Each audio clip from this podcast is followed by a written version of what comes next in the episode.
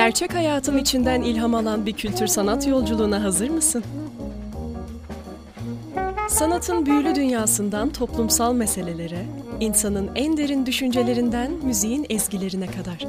Hayatın her alanını kucaklayan Demarkaj seni bekliyor. Her cumartesi 14-16 saatleri arasında 96.6 frekansı ve radyobilkent.com'da buluşalım.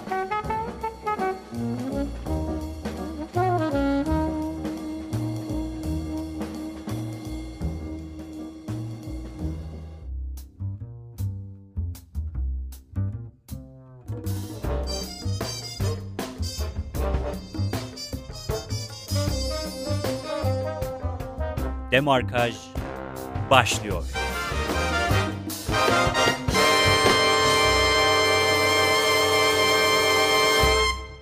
96.6 frekansından Radyo Bilkent stüdyolarından ve radyobilkent.com'dan hepinize merhaba sevgili dinleyenler.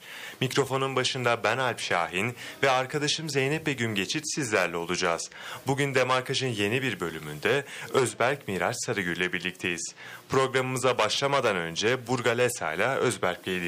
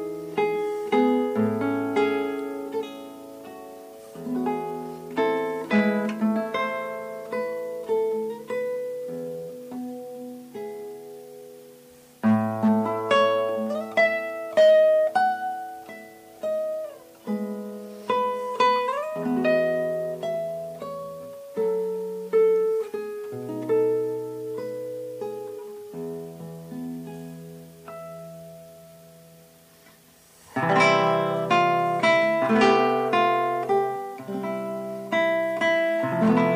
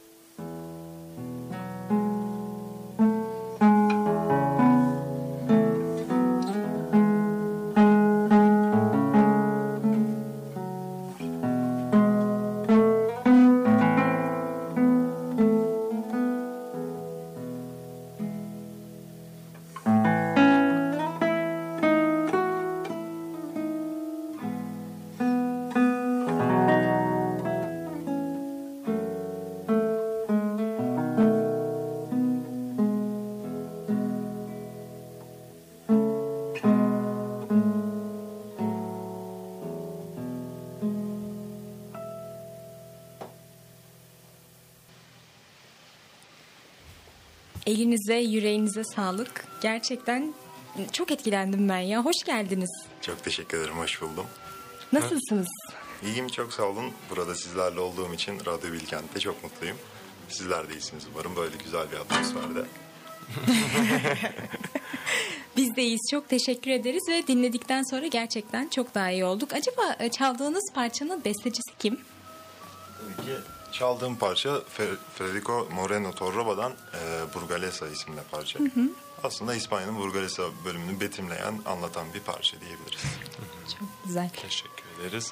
Dinleyicilerimize ve bize kendinizi tanıtabilir misiniz? Tabii ki dediğim gibi adım soyadım Özberk Meles Sarıgül. E, 2000 Aralık doğumluyum. geçtiğimiz dönem, e, geçtiğimiz sene Bilkent Üniversitesi Müzik ve Sahne Sanatları Fakültesinden mezun oldum. Yaklaşık 2012'den beri burada eğitim görüyordum. E, bu yolda benim rehberim, hocam, öğretmenim Kaan Korat oldu. Sayın ona da çok teşekkür ederim emeklerinden dolayı. Ee, onun dışında ülkemizi teslim e, temsil ediyorum. Aynı zamanda tabii ki de kendi kariyerimi de kovalayarak bir yandan e, yurt dışında etkinliklere, festivallere, konserlere gidiyorum, davet alıyorum. Genel olarak şu anda yaşantım bu şekilde. Peki müzikle nasıl tanıştınız? Böyle bir küçüklük hikayesi. Tabii ki olmaz mı? Ee, küçükken aslında abim benim gitar çalıyordu. Fakat tabii ben 10 yaşındaydım bu bahsettiğim 2009-2010 seneleri. Akustik gitar olduğu için hani gitarın sesine aşık olmuştum zaten o ortada. Fakat akustik gitar olduğu için telleri çok sert ve 9-10 yaşındaki bir çocuk çalamayacağı için hem de aynı zamanda hevesimi kırmamak için klasik gitara başladım. Sonra yani beklediğimden çok daha etkileyici, çok daha böyle hayran bırakan bir şey olduğunu keşfettim ve böyle olunca klasik gitarla devam ettim 2010 yılında. Bu arada e, az önce Kaan Hoca dediniz programın ilerleyen dakikalarında zaten Kaan Hoca ile hem nasıl çalıştığınızdan hem böyle yollarınızın nasıl kesiştiğinden daha çok bahsedeceğiz. Tabii. Peki e, sadece abinizi dinleyerek mi şey oldu böyle hani onun dışında başka herhangi bir şekilde ilham aldığınız ya da evet ya ben bu, hayatım boyunca bu işi sürdürmeliyim dediğiniz noktaya nasıl geldiniz gitarla? Ya aslında şu anda da bu kadar halen hevesli ve içten içe hani ilk günkü kadar heyecan olmamın sebebi bir dış bir faktöre bağlı olarak değil tamamen iç motivasyonla başladı bu iş. Hani dediğim gibi yani klasik gitarı görüp öğrenmeye başladıktan sonra daha da bunun işte gerek internet olsun gerek canlı konserler olsun daha neler yapılabileceğini ve hani nasıl bir seviyeye getirilebileceğini gördüm klasik gitarın. Çünkü hani aslında baktığınızda klasik gitar veya gitar dediğimizde ne anlıyoruz? Akdeniz akşamları veya o pop şarkılarında eşitler fakat bambaşka bir klasik gitar diye devasa bir dal da var yani. Ve bu benim gerçekten her seferinde ağzımı açık bırakıyor. Peki müzik yolculuğunuzda bir gitarist olmanız konusunda size ilham veren sanatçılar, isimler, bu ailenizden birisi bile olabilir abinizden bahsettiniz var mı? Hani aslında ya dediğim gibi bana en büyük ilham kaynağım Kaan, Hoca, Kaan Korat kendi hocam. Hani onun dışında tabii ki hayatımın belli yönlerinde bazı insanları kendime idol olarak veya rehber olarak seçebiliyorum. Fakat bunlar daha kısa süreli ve daha değişken e, konular oluyor. Bunun dışında kendime en çok örnek ve idol aldığım Kaan Korat diyebilirim açık olarak. Abiniz de e, gitarı şu an sizin gibi mi hani e, mesleği mi onun da yoksa Abim- hobi olarak mı çalıyordu? Abim aslında askeriyede bandoda. Aa. Evet kara kuvvetlerinde Türk Armın Yıldızlarındaydı şimdi aynı çıktı. O yüzden onun aslında asıl mesleği saksafon. Fakat ileride de konuşabiliriz. Müzik çok evrensel olduğu için hani her şeyi çalabiliyoruz veya anlayabiliyoruz çoğu zaman. Bu yüzden genelde aşık olduğumuz şey hani o teorisinden şeyinden fazla daha çok bu içten sesi oluyor enstrümanların. O da devam ediyor. Pop gitar olarak daha çok akustik gitar olarak devam ediyor. Fakat hani dediğim gibi bütün türleri iç içe olabiliyor bazen. Ama kendisi şu anda saksafon çalıyor. Saksafon çalıyor. Alp'ciğim senin özel ilgi alanın olabilir. O zaman bir dahakine de abimizi konuk alalım. Onunla da sen özel olarak konuşabilirsin. Bu arada sorularımıza devam etmeden önce ben dinleyicilerimize ufak bir hatırlatma yapmak istiyorum. Eğer Demarkaj'ın sosyal medya hesabını takip etmiyorsanız Instagram'dan Demarkaj yazarak bize ulaşabilir veya konuğumuza farklı sorularınız varsa ya da daha interaktif bir yayın geçirelim istiyorsanız 0312 290 24 34 numaralarından bize ulaşabilirsiniz. Lütfen devam edelim. Tamamdır. Ya, kimi sanat, aslında pek çok sanatçı duygularını, düşüncelerini, hislerini belli başlı yollarla sanatına dökmeye çalışıyor. Ve bunu yaparken aslında bir mesaj vermek, dinleyicilere bir duygu durumunu anlatma çabası içinde. Siz aslında müziğinizi ve özellikle gitarı hangi duyguyla ve kavramla özdeşleştirirsiniz? Çok katılıyorum öncelikle dediğinize. Yani hani tabii ki e, her zaman bir anlamı olmayabilir çaldığımız şeyin. Bazen sadece vakit geçirmek veya rahatlamak için de çalabiliriz. Fakat çoğu zaman Aslında bu çaldığımız parçalarda veya bestecilerin diğer eserlerinde bir duygu karmaşası da diyebilirim, bir rahatlık da diyebilirim veya bir atmosfer de diyebilirim genel olarak. Sizi bir moda, bir atmosfere sokmak. Eğer yani ben mesela klasik gitarda bir duyguya, bir şeye fokus oluyorsam öncelikle bestecinin veya çaldığım parçanın bana ne anlattığını anlamaya çalışıyorum. Ki en doğrusu budur. Aynen bir roman, bir şiir okur gibi. Önce o ne demek istemiş ve neler anlıyorum ben. Daha sonrasında bu duyguyu en iyi şekilde anlayıp karşıya geçirmeye yani karşıdan kastım seyirciye veyahut eğer kendi çalışımda burada e, içselleştirme geliyor işe. E, daha çok beğendiğim veya daha içime sinen bir yer olsa bu iki kombini birlikte çalıp e, o şekilde duygularımı veya verdiği mesajı karşıya iletmeye çalışıyorum. Ama tabii ki önce kendimiz yaşıyoruz o duyguları. Peki e, ben parçaların isimlerine çok hakim değilim gerçi ama en çok empati kurabildiğiniz parça hangisi? Hani evet ya bunu anlatıyor dediğiniz bir parça var mı? Muhakkak Güzel vardır soru. da.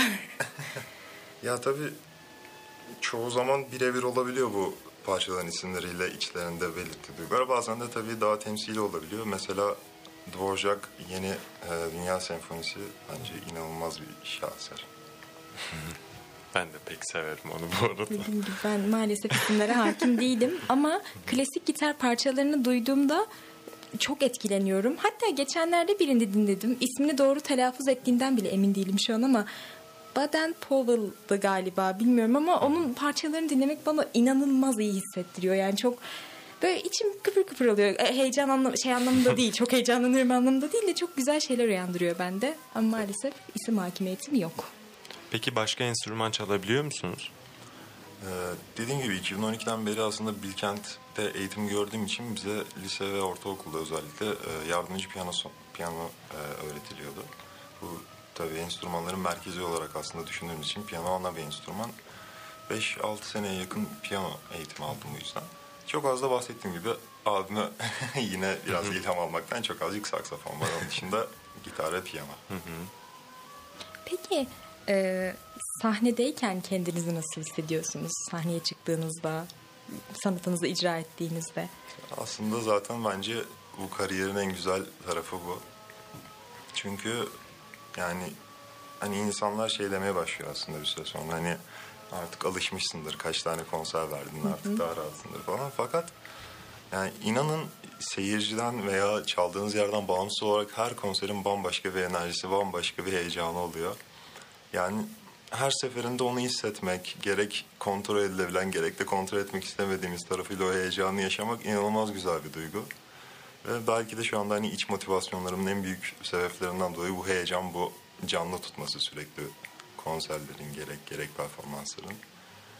Yani onun dışında hani tabii heyecana savaşırken o anda bir taraftan da derdimizi yani müziğimizi anlatma tarafı oluyor performansın.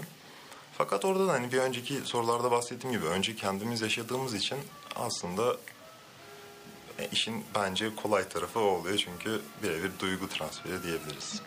Peki sahnede bir hata yaptığınızda örneğin eliniz kaydı bir şey oldu yanlış notaya bastınız. Nasıl telafi ediyorsunuz bunu? Bir de çok endişelenmiyor musunuz? Gerçi alışmış, buna alışmışsınızdır en azından belki ama nasıl oluyor? Yani tabii çok riskli ve çok ani şeyler oluyor. Çünkü dediğim gibi heyecandan dolayı belki de o gelip geçen bir saniyelik kimsenin belki de duymadığı şey size bir dakikaymış gibi çok etkili bir şey bırakabiliyor, iz bırakabiliyor. Fakat tabii bu konserde dinlediğimiz yarım saatler, bir saatlerin arkasında devasa bir emek oluyor. Yani aylarca, haftalarca biz bunu odalarımızda arda arda bitmeksizin çalışıyoruz. O yüzden hani tabii çalarken de evde hatalarımız oluyor. Fakat e, o hataları olabildiğince azaltmaya ve yani diyelim ki bir hata oldu. O sırada o durumu en iyi kotarabilecek, toparlayabilecek şekilde nasıl devam ederim diye bir aslında tamamen refleksif bir tarafı gelişiyor vücudun. Yoksa düşünerek zaten sahnede o heyecanı düşünmek çok zor oluyor yani. tamamen doğal olmak lazım. O zaman çok kısa bir reklam arası verelim. Reklam arasından sonrasında tekrardan sizlerle olalım. Demarkaj devam ediyor.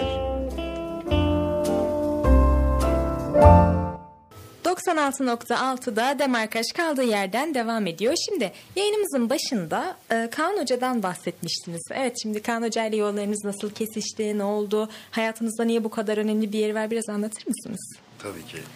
Ya aslında e, gitar camiası küçük olduğu için en başından alsam daha oturabilir parçalar. Dediğim gibi e, abimden bir şekilde e, ilham alıp gitara başladım. Daha sonrasında bu klasik gitara geçme evresi şu şekilde oldu. E, Ozan Uçtuk isimli abimle çalışıyordum. Kendisi de klasik gitar çalıyor fakat e, başka bir bölümde kendisi burada eğitim alıyordu Ankara'da. Onunla çalışmalarımız süper gidiyordu. Aslında ilk başta küçük yaşta bana çok sevdiren insan oldu klasik gitarı. Daha sonrasında çok üzüldüm çünkü kendisinin eğitimi bitmişti ve e, kendi il- iline, kendi şehrine tekrar dönüyordu. Ve böyle olunca ben de bu hevesim devam ettiği için aslında klasik gitar öğrenmeye hani nasıl yapabilirim, ne yapabilirim diye düşündüm. Ve daha sonra internetten e, Ahmet Kanneci'ye kendisine ulaştım. Tabii çok büyük bir isim. Yani çok şans oldu beni ağırlaması orada. Kendisiyle konuşup e, kendi seviyemi gösterdikten sonra tabii gitar çalarak e, kendisi Sayın Soner Egesel'e yönlendirdi beni. Aslında ilk e, akademik profesyonel olarak ciddi çalışmalara Soner Egesel'le başladım diyebilirim 2010 yılında. E, Soner hocamızla daha sonrasında 2012 yani benim 6. sınıfa girme yaşım geldiğinde 12-13 yaşlarımda artık e, ortaokula geçiyordum ve biraz daha belli kararları almam gerektiğini düşündüm ve bu yolda işte gitar ile devam edecek miyim hayatıma yoksa devlet okulunda okuyordum orada bir şekilde devam edip hobi olarak mı gitara devam edecektim. Burada ailem çok sağ olsunlar çok desteklediler beni ve e, tamamen aslında deneme amacıyla Bilkent'in eğitim e, sınavına girdim. Çünkü sınavlara girse hocam bize şey diyordu zaten hani güzel bir seviyede devam ediyoruz. Hani kendisi bilir diyordu. Öyle olunca ben aslında dediğim gibi seviyemi görmek için Bilkent Üniversitesi'nin konservatuvarının sınavlarına girdim. Müzik ve bale ortaokulunun sınavlarına. Ee, geçtim sınavı ve yüksekte bir burs gelince hani aslında burada iyi oldum ve devam edebileceğimi düşündüm. Daha sonrasında e, Kaan Korad öğretmenimle başladım burada öğren- gitar öğrenmeye.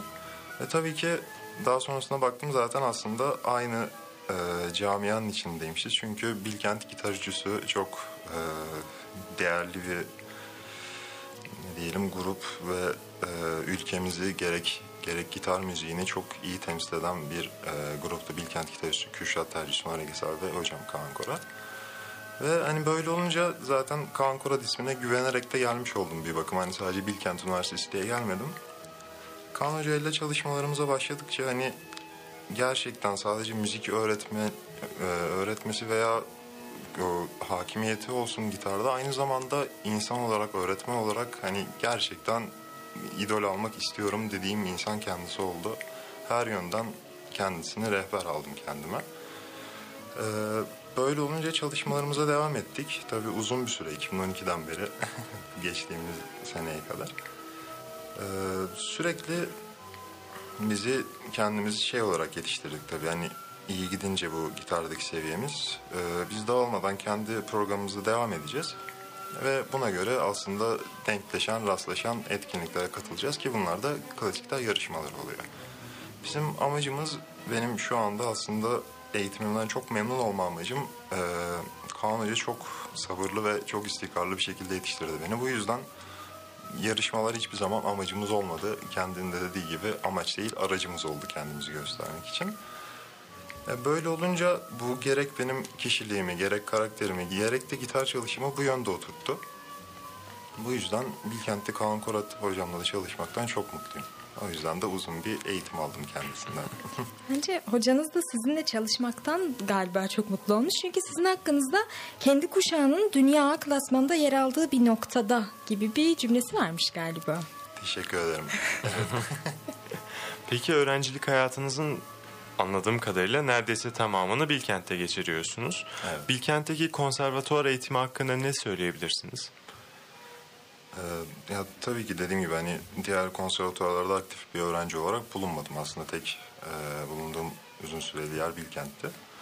Ve hani buradaki eğitimden aslında çok e, memnun kaldım. Çünkü küçük yaşta size hem hem yaşların e, aynı yaştaki arkadaşlarınızla normal bir güzel vakit geçirme şansı sunarken aynı zamanda size etüt saati deyip bir anda böyle sizi bambaşka bir odaya girip çalışabileceğiniz fırsatlar yarattığı imkanlar oluyor.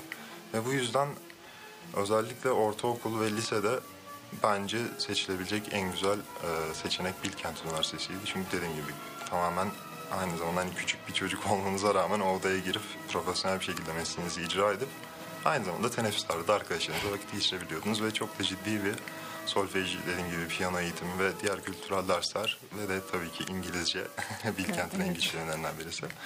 Bu konuda çok iyi yetiştirdiğini düşünüyorum. Hani tekrar okusam belki yeniden Bilkent derdim. O yıllara dönsem. Peki disiplini hakkında neler söyleyebilirsiniz? Benim bir gitar hocam vardı. Böyle çok kısa bir süre gitar dersi almıştım. Şu anda Hacettepe'de sanıyorum doktora yapıyor. Orçun Terzioğlu. Bilmiyorum biliyor musunuz? O kendi eğitiminin inanılmaz sıkı olduğunu hatta e, bir örnek vermişti. Şimdi tam hatırlamıyorum ama parmaklarının duruşuna göre ya bir hocaları iğne mi batırıyormuş parmakların ucuna bunu böyle tutacaksın falan diye benim gözümde çok katı çok sert şeyler canlanmıştı. O yüzden disiplin hakkında neler söyleyebilirsiniz? Ya aslında hani çok çok basit olarak ikiye ayırabiliriz bu disiplin olayı. Bir tanesi daha e, entelektüel olarak gelişen ve tabii daha maruz kalarak edindiğimiz bu klasik gitar veya klasik müzikteki müziğin kulağa do- doyumu diyeyim artık veya onu algılayış biçimimiz. Bu tamamen hani araştırma yaptıkça, kulağın e, mecbur kalıp dinledikçe böyle bir yerlerden maruz kalıp veya dediğim gibi kendi çaldığımız bestelerle gelişen bir şey. Fakat bir bu kadar e, doğal olmayan kendiniz geliştirmeniz gereken tarafı da teknik kısmı. Teknik kısmı yani tamamen aslında motor kaslarının kullanımı. Ve yani hani orada hatasız olmanız gerekiyor. Çünkü istediğiniz müziği tamamen yazabilin. Hani bir şiir yazarken mesela kağıdın ıslak kaleminde yarı kırık olduğunu düşünün. Mesela siz ne kadar güzel olursa içinizdeki düşünce, kurduğunuz dünya yüzde yüz geçiremezsiniz o kağıda. Aynı şekilde yani dediğim gibi bir araç değil amaç olduğu için öncelikle yapmak istediğim şey bizim müzik veya performans. Oradaki teknik de bunun bir aracı fakat yani dediğim gibi araç yüzde yüz süper olacağı için onu kusursuzlaştırmak gerekiyor ve bu çok fazla emek alıyor. Hani günde 10 saat mesela sadece gam çalıştığımı, sadece arpej çalıştığımı hatırlıyorum o odaya girip 14-15 yaşlarında. Demek ki şey MSSF'nin önünden geçerken Müzik ve Sahne Sanatları Fakültesi'nin en güzel şey o odalardaki hani herkes farklı bir enstrüman çalıyor onların sesini duymak ama hani o iç kısımda 10 saat çalışmaktan bahsettiniz ya yani duyması kadar bazen Hiç oynadınız mı bilmiyorum da Sims'te şey bir müzik kutusundan müzik çıkar ve notalar falan çıkardı. Orada MSSF'nin yanından geçerken Notalar öyle çıkıyor. hissediyorum ben de notalar çıkıyormuş gibi etrafta. Peki birçok ana- sanatçı aslında yeteneğini eğitimle desteklemiyor veya işte bu benim mesela babam müzik eğitimi almış bir insan, annem de keza öyle fakat ikisi de farklı yollara gittiler sonrasında. Eğitim almış olmalarına rağmen sonradan eğitim alan veya daha böyle alaylı dediğimiz sonradan müzik öğrenen insanlar da oluyor. Siz ise aslında ortaokul, lise ve üniversitede müzik alanında eğitim aldınız. Bu tarz özel programlı okullarda eğitim görmüş olmak size ne kattı sizce? Yani tabii ki burada hani önceki sorularda bahsettiğimiz Bilkent'in ayrıcalıkları çok devreye giriyor. Onun dışında da profesyonel bir eğitim alırken yani sizi aslında akademik olarak yetiştiriyorlar. Sadece bir gitarcı, sadece bir piyanist veya sadece başka bir şey değil. Sizi bütün yönleriyle yetiştiriyorlar. Aynı şekilde hani lisans kısmında da öyle. Nasıl ki müzik derslerimiz oluyor. Aynı zamanda İngilizce 101, 102'ler, History of Civilization derslerimiz. hani bütün hepsine aslında maruz kaldığımız için bizde bir akademisyen, bir e, çok nasıl diyelim geniş görüşlü bir insan aslında yetişiyor. Kültürlü bir insan. Fakat burada tabii ki hani diyeceksiniz bu kadar güzel bir eğitim ve her şey süper duruyor falan. Neden böyle bir sıkıntı var? Sıkıntı ya bence ikiye bölmek gerekiyor bunda. O da hem ülke çapında hem de daha bireysel olarak bölebiliriz. Ya ülke çapında hani aslında bir haberleri açmamız bile yeterli insanların neden müzik okumadığını veya müzisyen olmak istediğini görmek için. Çünkü çok sıkıntılı. Yani gerek aldığımız destekler çok sınırlı. Hani imkanlar olarak, konser imkanları olarak gerek e, birçok kişi karşılığını bile alabildiğini düşünmüyor o kadar yaptığı çalışmanın. Çünkü dediğim gibi hani hakikaten odaya girip saatlerce aralıksız bir çalışma var orada. Diğer taraftan da iç motivasyon aslında çok önemli. Burada da bahsettiğim gibi hani bir dışarıda bir etken var mı sizi çalışmaya sürükleyecek veya içinizden mi geliyor? Eğer dışarıdan bir etkene maruzsanız yine aslında ülke çapında birazcık geliyor. Kültürel etkinliklerimiz tabii ki son yıllarda biraz da artmaya başladı. Fakat yine bir Avrupa ile bir başka bir ülkeyle kıyasladığımızda çok düşük hala. Hala aslında çok pasif kalıyoruz bu konularda ki en çok üzen noktada çok büyük cevherlerimiz var. Çok dünya ünlü olan müzisyenlerimiz var yani. Bu konuda hani insanların kafasında bu çelişkinin hani aslında tam oturmadığını düşünüyorum. Çünkü hani çok klasik bir aslında aile düşünüşü bilmiyorum Türkler özel mi fakat sen karnını doyurabilecek misin? Gelirli bir şeyin olacak mı? Gelir, düzenli bir gelirin olacak mı? Veya en basit SGK olayları. Hani o yüzden o taraflar olunca belki de insanlar hani olursa ikinci bir seçenek olarak mı düşünüyor? Daha mı sağlam basmak istiyor? Evet. Hani belki bu büyük bir şey olabilir. E onun dışında zaten müzisyenlerin çoğu dediğim gibi eğer iç motivasyonla alakalı bir sıkıntı yaşıyorlarsa veya da dışarıdaki o daha gelişmiş, daha kültürlü, e, daha aktif kültürlü ülkeleri şey yapmaktansa gidip orada o kültürü yaşayıp kendilerini daha çok geliştirebiliyorlar. Bazen dönüyorlar Türkiye'ye, bazen dönmüyorlar. Ya aslında şöyle bir şey var. Bu söylediğiniz şu konuda çok doğru. Okulda mesela Bilkent Senfoni Orkestrası'nın düzenlediği bir konserde dahi her zaman ana akım olan e, konserlerin bileti en önce bitiyor. Mesela işte Star Wars Yüzüklerin Efendisi günü oluyor ve biletleri bitiyor hemen. Nitekim işte daha böyle e, işin cidden klasiği olan şeyler daha az tutuluyor ve bu söylediğiniz aslında ülkedeki ne cevherlerin olduğuna dair olan bilinç de aslında bunun tanıtımının hem özel sektörde hem de kamuda çok zayıf olmasından kaynaklı olarak pek çok kişi bilmiyor aslında kimin niçin dinlediğini ve yani yurt dışında olsun, yurt içinde olsun kültürel aktiviteler, konserler, tiyatrolar ülke genelinde çok zayıf gözüküyor aslında. Birisi geldiği zaman Ankara'ya birileri geldiği zaman herkes böyle Ankara'ya şu gelmiş hemen gidelim hemen görelim isteği içinde. Aslında bir açlık da var ama bir bilgisizlik ve kıtlık söz konusu. Umarım çözülür derim. Umuyorum. Bu e, karnını doyuramazsın işte aç kalırsın noktasında siz hiç endişe ettiniz mi? Hani, ya, ya çünkü şu anda içinde bulunduğumuz durum maalesef az çok ortada. Ben şey demeye çalışmıyorum tabii ki yani. Tabii. Altın bileziğiniz olsun demeye asla çalışmıyorum ama hiç endişe ettiğiniz oldu mu bu yüzden? Ya da endişe ettiğinizde o sesi nasıl bastırdınız? Ya şöyle aslında birazcık kendimi avutuyorum ben hala öğrenciyim. Bunları düşünmeme gerek yok diye. Fakat e, yani hani diyorum ya uzun yıllar Kaan Korat öğretmenimle çalıştık ve idol aldığım noktalardan biri de beni eğittiği kısımlardan yönlendirdiği yollardan biri de şu oldu. Bu amaç değil araç işi hani gerçekten biz bunu ne için yapıyoruz? Kendi bir sanat yapmak için, bir kültürel bir etki bırakmak için veya kendi sanatçı kişiliğimizi geliştirmek için. Benim aslında hani o odaya girdiğimdeki iç motivasyonum da bugün sahneye çıkarken veya ilk işin e, başlangıcındayken bile düşündüğüm şey şuydu. Ben ne yaparsam en iyisini yapacağım elimden geldiğince. Ve hocamın da dediği gibi eğer siz iyi yaparsanız elinizdeki potansiyelini kullanırsanız ve işler de yoluna giderse illa bir kapılar açılıyor. E, tabii ki tamamen sıfır plan olmamak gerekiyor fakat eminim ki kapılar açılacaktır diye umut ediyorum. Umuyorum ya ileride de şu anki kadar iyi gider her şey umarım Umarım hayatımızda. çok sağ olun. Şimdi çok çok ufak bir reklam arasına girelim. Bizi dinlemeye devam edin. Sonrasında kaldığımız yerden devam edeceğiz.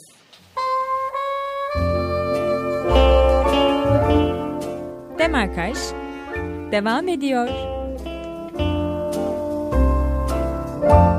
96.6 frekanslarından ve radyobilkent.com'dan hepinize tekrardan merhabalar. Programımıza devam ediyoruz. Zeynep sen sor bakalım. Ben, e, ben devam edeyim şimdi. e, bu kariyeriniz boyunca, müzik hayatınız boyunca bir sürü yarışmaya katıldınız, bir şeyler oldu. Hatta birçok sadece şey değil, Türkiye çapında değil, uluslararası yarışmalara da katıldınız. Ve jüri ödülleriniz de var bildiğimiz kadarıyla. Bu deneyimleriniz hakkında biraz konuşabilir miyiz acaba? Ve sizin için en heyecan verici olanı hangisiydi? Tabii ki. Ee, ya dediğim gibi aslında küçük yaştan beri e, biraz da yarışmaların kapsamında e, büyüklüklerini, profesyonelliklerini arttırarak hani sürekli aslında yarışma hayatımın bir yerlerinde oldu. Ee, Fakat nasıl diyeyim?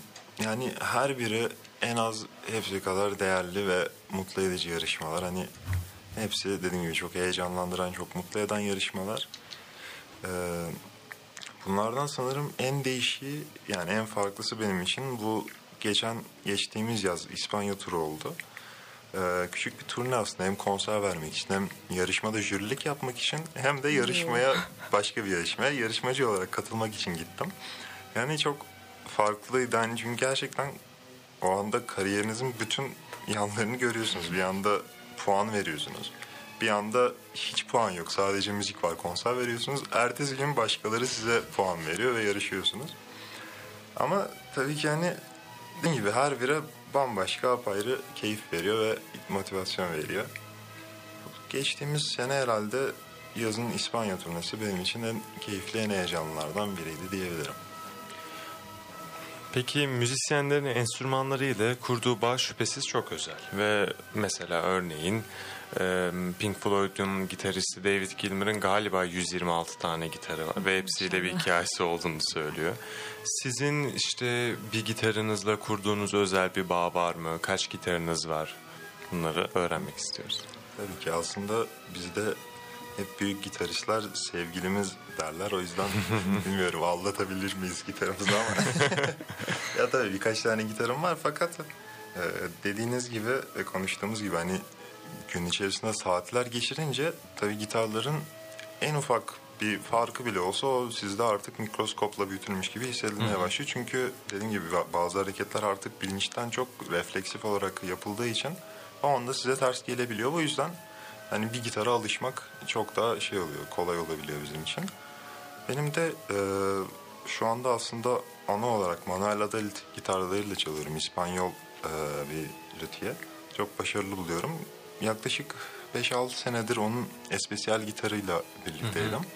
Onunla neredeyse bütün konserlerimi, bütün etkinliklerimi yaptım. Şimdi de yine Manuel Adalit'ten bu sefer La Catedral isimli başka bir gitarla bağ kurdum diyeyim. bir süredir de onlayım ve bir süre daha onunla olacağım gibi duruyor. Biraz daha tabii çok fazla gitar var fakat işte çoğu koleksiyonluk dediğim gibi hani daha işte birisinin arkasında ödül gitarı olduğu için mesela adıma ithafen bir sarı gül yazısı var gitarın üstünde. O mesela hayatım boyunca saklayacağım bir gitar. Bir taraftan çok ünlü bir gitarist olan David Russell yine bir yarışmadan kazandığım imzalı gitarı var.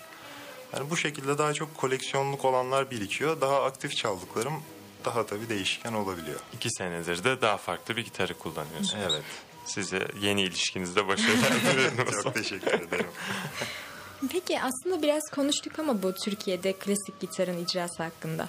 Ee, şeyler var, çok yetenekli insanlar var ama dediğimiz gibi kötü koşullardan, gelecek kaygısından hani bu alanı tercih etmiyorlar. Sizce kendini bu alanda böyle geliştirmek isteyen özellikle genç yaştaki arkadaşlarımız için bir öneriniz var mı? Ne yapmalılar, ne etmeliler? Ya önce hani iki tane aslında e, bakış açısına onlara naçizane önerim gibi söyleyebilirim. Bir tanesi kesinlikle her zaman bir iç motivasyon yaratıp veya herhangi bir motivasyon yaratıp onu kendi e, avantajlarına, faydalarına çekebilmeleri ve bu sayede hani gerçekten bilinçli, istekli bir şekilde çalışmalarını devam edip potansiyellerinin hani tamamını kullanmaları. Hani bir Türk genci olarak bu ülkede yetişen müzisyenlerin, sanatçıların kendini daha geliştirmesi çok mutlu eder bu yönde. İkincisi yine aslında çok önemli çünkü hani bahsettiğim gibi çok büyük cevherlerimiz çıkıyor fakat bu cevherlerimizin dışında bir Avrupa ülkesine baktığınızda seviye inanılmaz yüksek. Ner- Neredeyse bizim cevherlerimiz dediğimiz seviyenin bir tık altı orada ortalama seviyeye geçebiliyor. Hani o yüzden ee, bir dediğim gibi o seviyeye erişip daha da üstüne çıkmak lazım. İki bu dünyada nerede? Kendi konumu nerede? Onu bilmesi gerekiyor. O dediğiniz işte A klasmanı, B klasmanı olsun. O klasmanın içindeki o mikro yerler. Hani bu koşullarda, bu yerlerde kendisinin hangi seviyede olduğunu bilip bu enstrümanın da neler yapılabiliyor, ne işler başarılabiliyor bunları öğrenip belki de hatta motivasyonun bir tarafında bunlardan çekebilmeyi öğrenebilir. Hani dediğim gibi dünya konumunda kendini görmesi ve potansiyelini kullanması naçizane tavsiyelerim olacaktır. Güzel. Daha demin sizinle bazı yeteneklerin görülmediğinden bahsetmiştik. Peki Türkiye'de klasik gitarın icrası hakkında ne düşünüyorsunuz? Özellikle bu alanda yeteneğini geliştirmek isteyen bir müzisyen hangi kaynaklara ulaşabilir sizce? Ya tabii klasik gitarın hani şu anki formuyla e, metodları halen daha yeni çıkan metotlar, teknikler var ve hatta hani yeni bir enstrüman yeni bir şekil e, almış olmasına rağmen yaklaşık 100 yıldır, 150 yıldır daha halen Türkiye'de klasik gitar dediğimiz bir aslında tarafı da var. Bunun o da daha da geç yani aslında geliyor dışarıya göre. Bu yüzden hani genel olarak tavsiye edeceğim şey bu e, cevherlerin yetişmesinde iyi metotlardan veya güvenilir hocalardan, kaynaklardan yararlanmaları ki bu zaten aslında en önemli kısmı oluyor. Hani onun dışında zaten e, bu yönde kendini geliştiren birisi potansiyelinin çoğuna ulaşacaktır diye düşünüyorum. Peki sizce şey doğru mu? Yani uzun zamandır bunun içinde bulunduğunuz için söyleyeyim. Hani yetenek mi yoksa böyle sıkı çalışmak mı işte hani sende o cevher yok ya deyip böyle bırakmalı mı insanlar işte anlatabilmişimdir umarım demek istediğim biraz karıştırdım ama. Tabii ki tabii ki. Ya aslında bir önceki soruda hani potansiyellerine ulaşacaklardır dediğim yerde ona birazcık değindim. Hani yetenek tabii ki hani bazı şeyleri, kavramları anlamamızda e, veyahut bazı hareketleri daha rahat yapmamızda bize çok yardımcı oluyor. Tabii ki bu bahsettiğim eğer doğuştan gelen böyle çok inanılmaz derecede bizi ters duruma sokan bir durum, özel bir durum yoksa.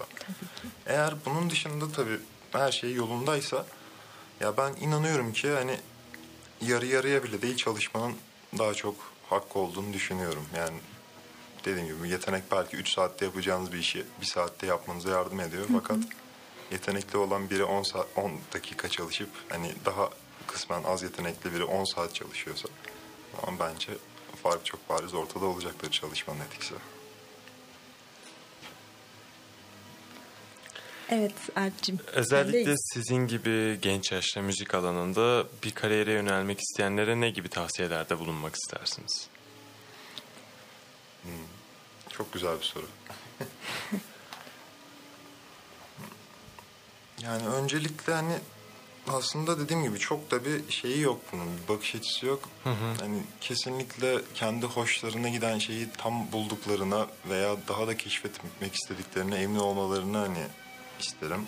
Çünkü gerçekten çok emek ve çok alanmışlık isteyen bir yol. Ve hani eğer bu yolda yürüyeceklerine eminlerse de o zaman hani dediğim gibi e, daha kendini bireyselleştirmeden tabii ki o çalışma odasına girdiğinde bütün dünya kesiliyor. Fakat bunun dışında daha aktif bir camiada rol alarak hem e, dışarıdan maruz kalarak bu e, enstrümandaki veya ilgilendiği e, enstrümandaki seviyeye hem kendi seviyesini bir taraftan zorunlu olarak geliştirmek zorunda e, hissedebilir. Bu güzel bir etki. Aslında zorunlu bir etki dediğimiz şey.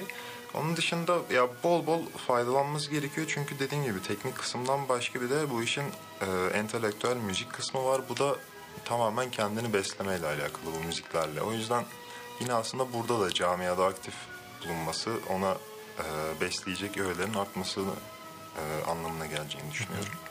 Olabildiğince dediğim gibi aynı şeye geliyor aslında ama enstrümanında neler yapılmış, kimler neler yapmış. Bunların bilinciyle motivasyon ve doğru eğitimle doğru camiaların içinde bulunarak kendilerine aslında bir yol gösterebileceklerine inanıyorum. Peki size şey sormak istiyorum. Genelde buraya gelen böyle şey sanatla uğraşan insanlara şunu soruyorum. Bir nevi benim bir klişe sorum haline geldi. Var mı yeni projeler aslında hani şu anda üzerinde çalıştığınız, önümüzdeki zamanlarda yapmayı düşündüğünüz bir çalışma olur veya katılmayı düşündüğünüz bir yarışma var mı? Onu öğrenmek istiyoruz. Tabii ki aslında bir ailede var. Ee, geçtiğimiz günlerde bir albüm kaydımız vardı. Sayın Kaan Koyat hocamla bir parça da bana yer vermişti.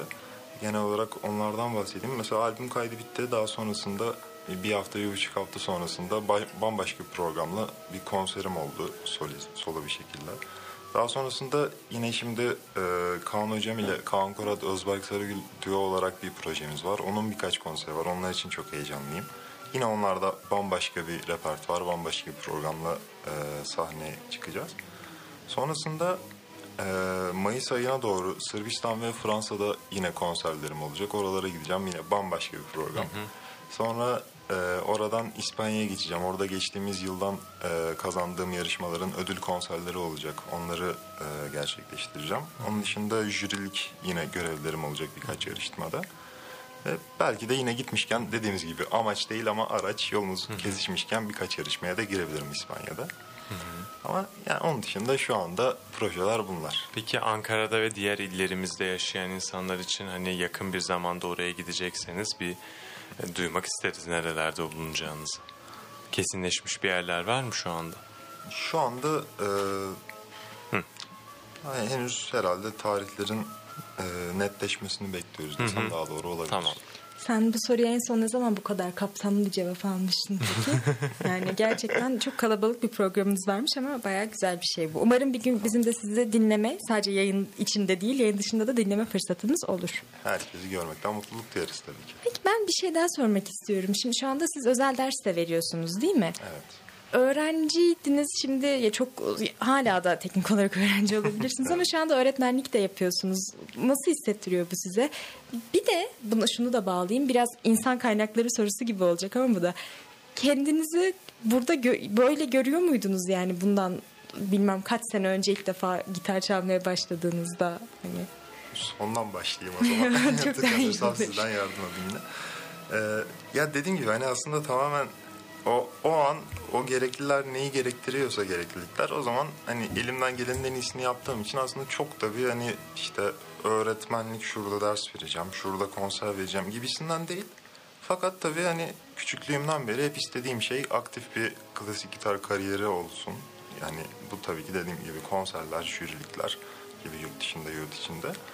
Bir taraftan da tabii ki akademisyenlik çünkü yani dediğim gibi benim idol- aldığım en büyük insan Kaan Korat ve yani kendisi de çok aktif olmasının yanında sahnelerde mükemmel de bir öğretmenlik e, yapıyor şu anda ve hani bu bana çok kıymetli geliyor çünkü siz aslında hani bu dünyada geçeceğiz ve bunlar bittiğinde gerek kayıtlarımız gerek düzenlerimiz hani bunlar kalacak. Fakat öğrenci yetiştirdiğimizde o zaman şunun da bambaşka bir mutluluğu var. Hem tabii ki kendi bildiklerinizi başkasına anlatıyorsunuz. Sizin geçtiğiniz yolları çok kısaltarak aslında başkalarının kat etmesine yol sağlıyorsunuz. E aynı zamanda bir de eğer ki sizin öğrenciniz sizin bildiklerinizi öğrenip sizden bir adım daha yani e, bir jenerasyon sonranız sizden daha iyi olabiliyorsa ve bunda en ufak bir emeğiniz varsa bu çok paha biçilemez bir şey bence. Peki Kaan Hoca'dan bol bol bahsettik aslında. Fakat onun dışında böyle şu an bizi dinleyen insanlara günü güzel bir şekilde tamamlamaları için birini önermek, birinin ismini vermek ister misiniz? Onu dinlesinler. Yani dediğim gibi mesela hmm, Kaan Korat ve bahsettiğim Suhane Gesel Köşat Tercihi'nin Bilkent Üçlüsü olarak e, kayıtları var. Onları kesinlikle dinlemelerini öneriyorum. E, eğer dinledilerse öncelikle tebrik ediyor, teşekkür ediyor. Sonrasında da daha e, mesela nasıl diyelim daha böyle hmm, imza olarak, karakter olarak çalışlarını öne koyan şeylerimiz de var, e, solistlerimiz de var. Bunlar da kariyerlerini solist olarak e, geçirmeyi tercih eden insanlar. Mesela Aniello Desiderio. O da müziğini çok e, idol aldığım kendime. Çok rahat ve aynı zamanda bir o kadar da imza karakteristik çalan birisi. Onun kayıtlarını dinlerlerse gerçekten hani hele bir de parçanın orijinalini bilerek dinlerlerse o zaman bambaşka bir dünya olduklarını göreceklerine, ilham alacaklarına eminim. Tavsiyeleriniz için de çok teşekkür ederiz ve ayrıca bu güzel program için de çok teşekkür ederiz. Hem sizi dinlemek hem deneyimlerinizi dinlemek oldukça keyifliydi. Ben çok teşekkür ederim. Bilkent Radyo'da sizlerle olmak çok mutluydu. Teşekkür ederiz. Umuyorum e, takviminiz netleştiğinde biz de bunun haberini alırız ve sizi ön, ya- ön yerlerden dinlemeyi de çok isteriz. Tabii ki. Çok sağ olun, tabii. Birazdan kültür sanatım, kültür sanat sunumuyla sizler dinleyicilerimizle olacağız. Umuyorum ki önümüzdeki kültür sanatların birinde de sizin bir konserinizi Evet. tanıtırız diye umuyorum. Çok isterim. O zaman Herkese görüşmek üzere diyorum. Bu hafta da Demarkaj'ın sonuna, sonuna geldik. geldik. Hoşçakalın.